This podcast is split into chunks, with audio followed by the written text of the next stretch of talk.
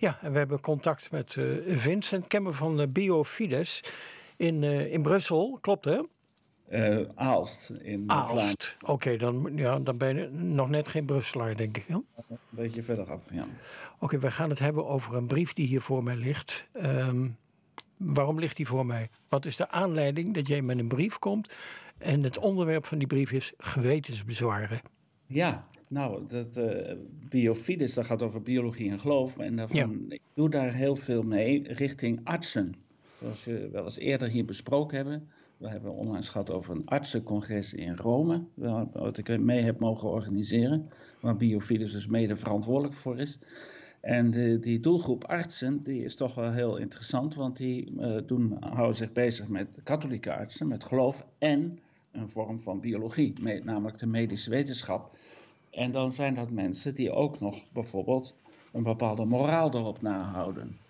En wat zien we? We hebben te maken met een westerse cultuur waar het geloof eigenlijk naar de afdeling Fabeltjeskrant is verwezen, hè, de prentenboek. Dat zeg je mooi. En uh, dus dat betekent dat ook de, het denken van de mensen over de moraal, nog, nog, en ook de artsen, zelfs katholieke artsen, nogal uh, zeg maar onder druk staat. En dat er wetten zijn aangenomen waarbij handelingen worden gelegitimeerd die we vroeger absurd zouden vinden. Bijvoorbeeld het intentioneel beëindigen van een, uh, van een, een, oude mevrouw. Mm Die pijn heeft. Dat zou vroeger niet in ons opgekomen zijn. Nu vinden we dat bijna normaal. En uh, nu is de, de brief die, waar het over gaat, is een brief van de Wereldfederatie van Katholieke Artsen. Met wie ik dus, waar, waarvoor ik werk, onder ja. andere.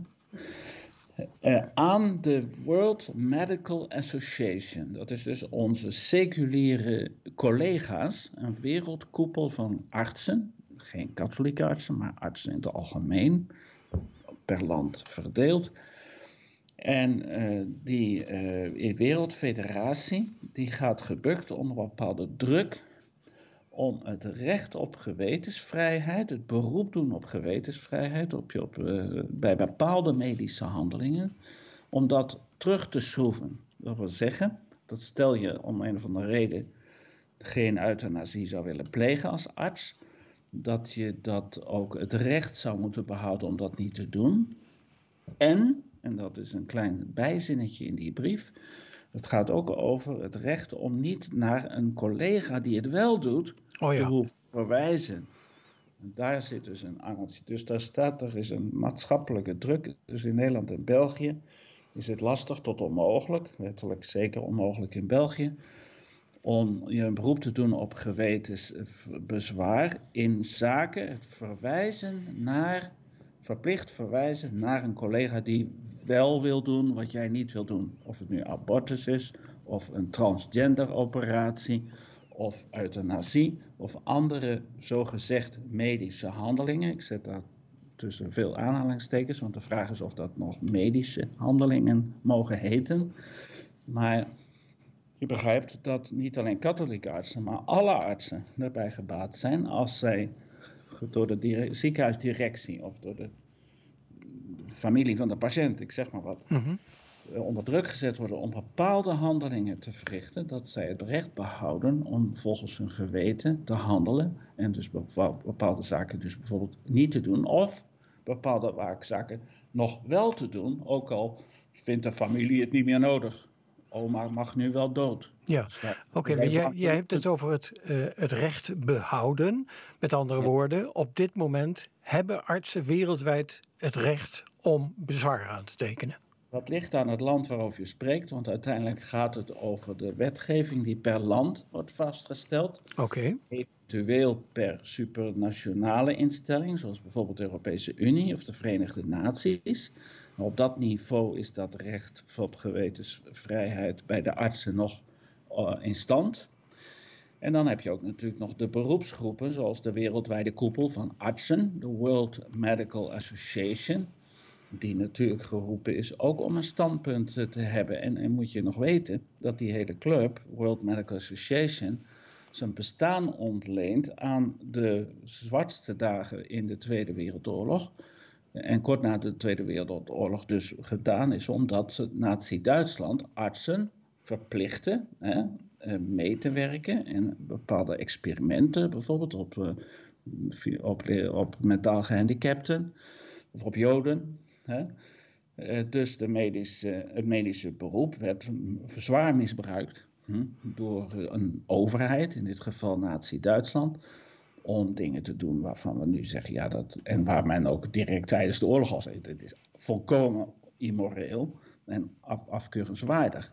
Kan zo'n arts dan zich beroepen op zijn, in dat, in dat staatsbestel waarin hij toevallig is, kan hij zich dan beroepen op zijn gewetensvrijheid. Te zeggen, beste meneer Adolf Hitler, trek uw plan, zouden Vlamingen zeggen, maar ik ga dat niet voor u doen. Nee, nou, maar dat hebben ze massaal uh, niet gedaan. Nou, ze hebben dus, uh, heel veel mensen hebben dan gezegd zoiets van bevel is bevelen. Ik, uh, ik heb slechts mijn orders uitgevoerd, zoals die ene militair geloof ik had gezegd. Hè. Ik heb slechts bevelen opgevolgd. Dus de vraag is of dan die arts, als het om een arts gaat, maar het geldt ook voor andere beroepen, hè, in hoeverre die zijn geweten mag laten spreken binnen het bestel waarin hij opereert, waarin hij werkt. Ja, en waarom is dat nu uh, actueel? Het was toch nou, geregeld? Nou, bijvoorbeeld hier in België heb ik zelf de katholieke artsen mogen verdedigen voor het grondwettelijk hof in Brussel. Dat was wel in Brussel omdat eh, de wetgever hier in België in, 2000, eh, in het jaar 2000 de uh, artsen heeft vanaf dat moment verboden om niet naar een collega te verwijzen als ze zelf geen euthanasie willen plegen. Dat staat in de wet in België. Ja, zij moeten. En wij hebben daar een burgerinitiatief hebben wij ondersteund vanuit de Belgische katholieke artsenbeweging. Uh, om te zeggen, om die artsen te verdedigen, maar niet alleen de artsen, ook de verpleegkundigen en ook de katholieke ziekenhuizen. Ja. Zeggen, luister goed, als jullie dat zo vinden, democratisch uh, zeggen jullie met z'n allen dat moet kunnen of zo.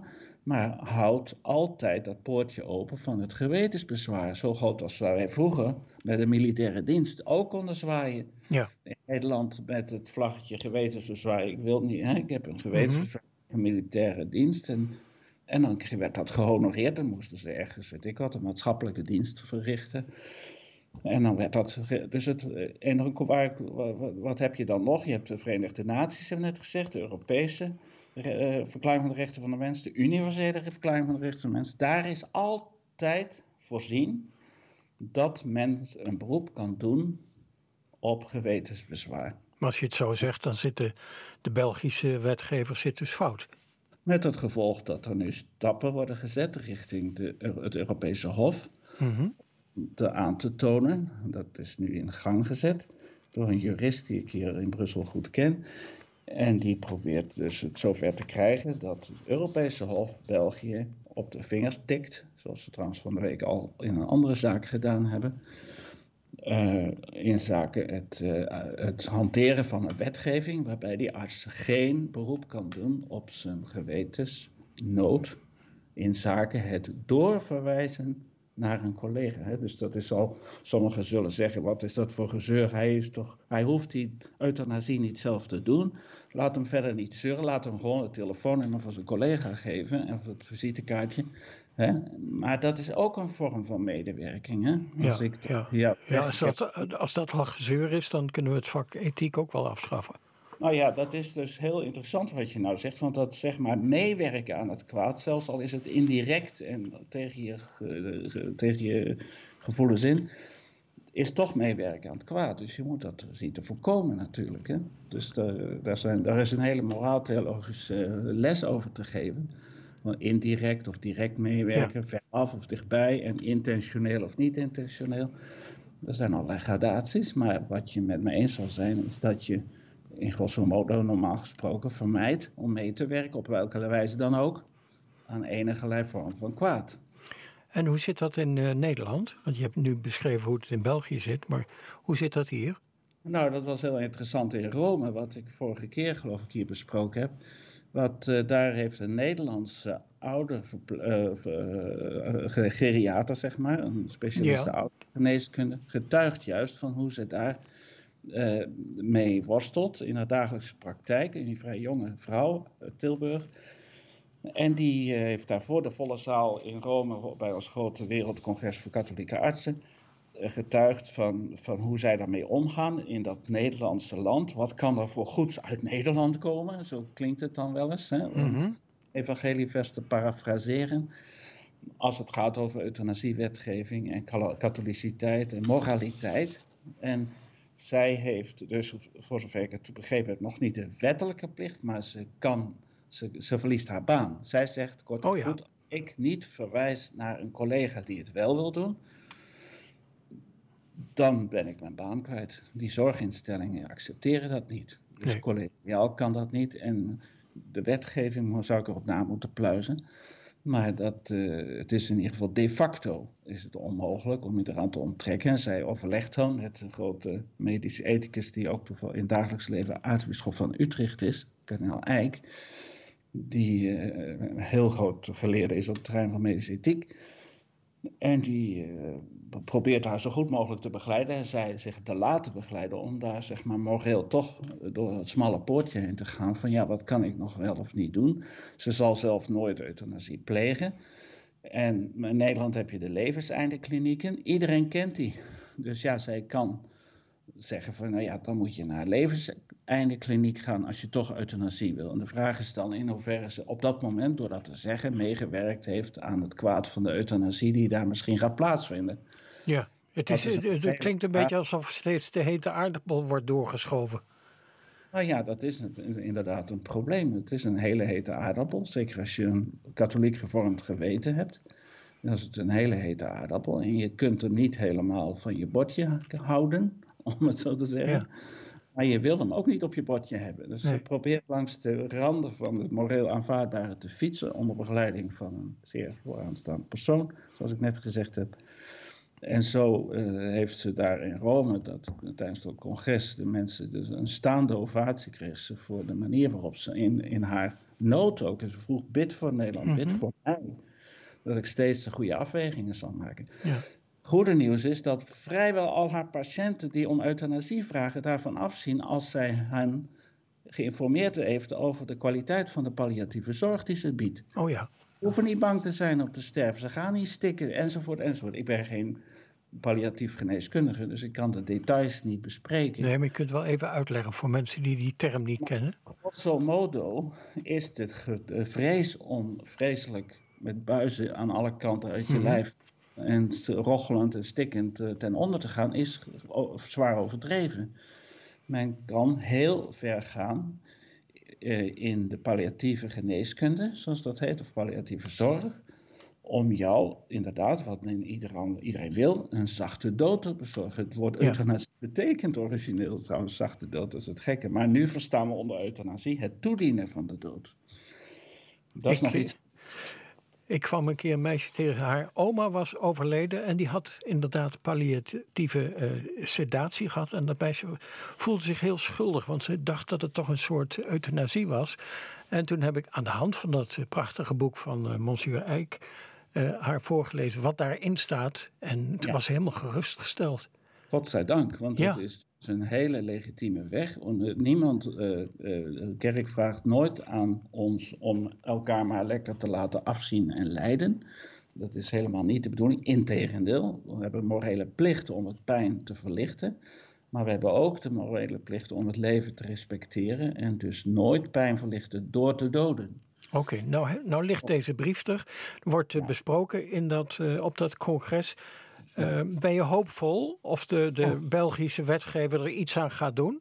Nou, België gaat het nu niet over. Het gaat nu over de Wereldmedische Vereniging, World Medical Association. Dus de mm -hmm. koepel van alle nationale uh, orde van geneesheren, zeg maar. De, de, en de, het ziet er nu naar uit, de geluiden die we nu hebben gekregen, is dat die WMA, World Medical Association, inderdaad het, uh, het intrekken van dat recht op dat beroep op gewetensvrijheid, dat ze dat niet op de agenda gaan zetten. Oké. Okay. Die discussie eigenlijk niet hebben in Berlijn, waar het nu in Berlijn doorgaat. Dat is nu bezig. Ja. Dus we hebben begrepen. We Nog 20 seconden, Vincent. We hebben versterkt door, door een brief aan hen te sturen en te zeggen: doe dat niet. En het ziet er nou uit dat ze het niet gaan doen. Dat betekent dat Nederland en België van hoge hand, de World Medical Association, het signaal krijgen: doe dat niet, blijf daar af. Gun die artsen hun gewetensvrijheid. Heel hartelijk dank. Vincent Kemme van Biofides.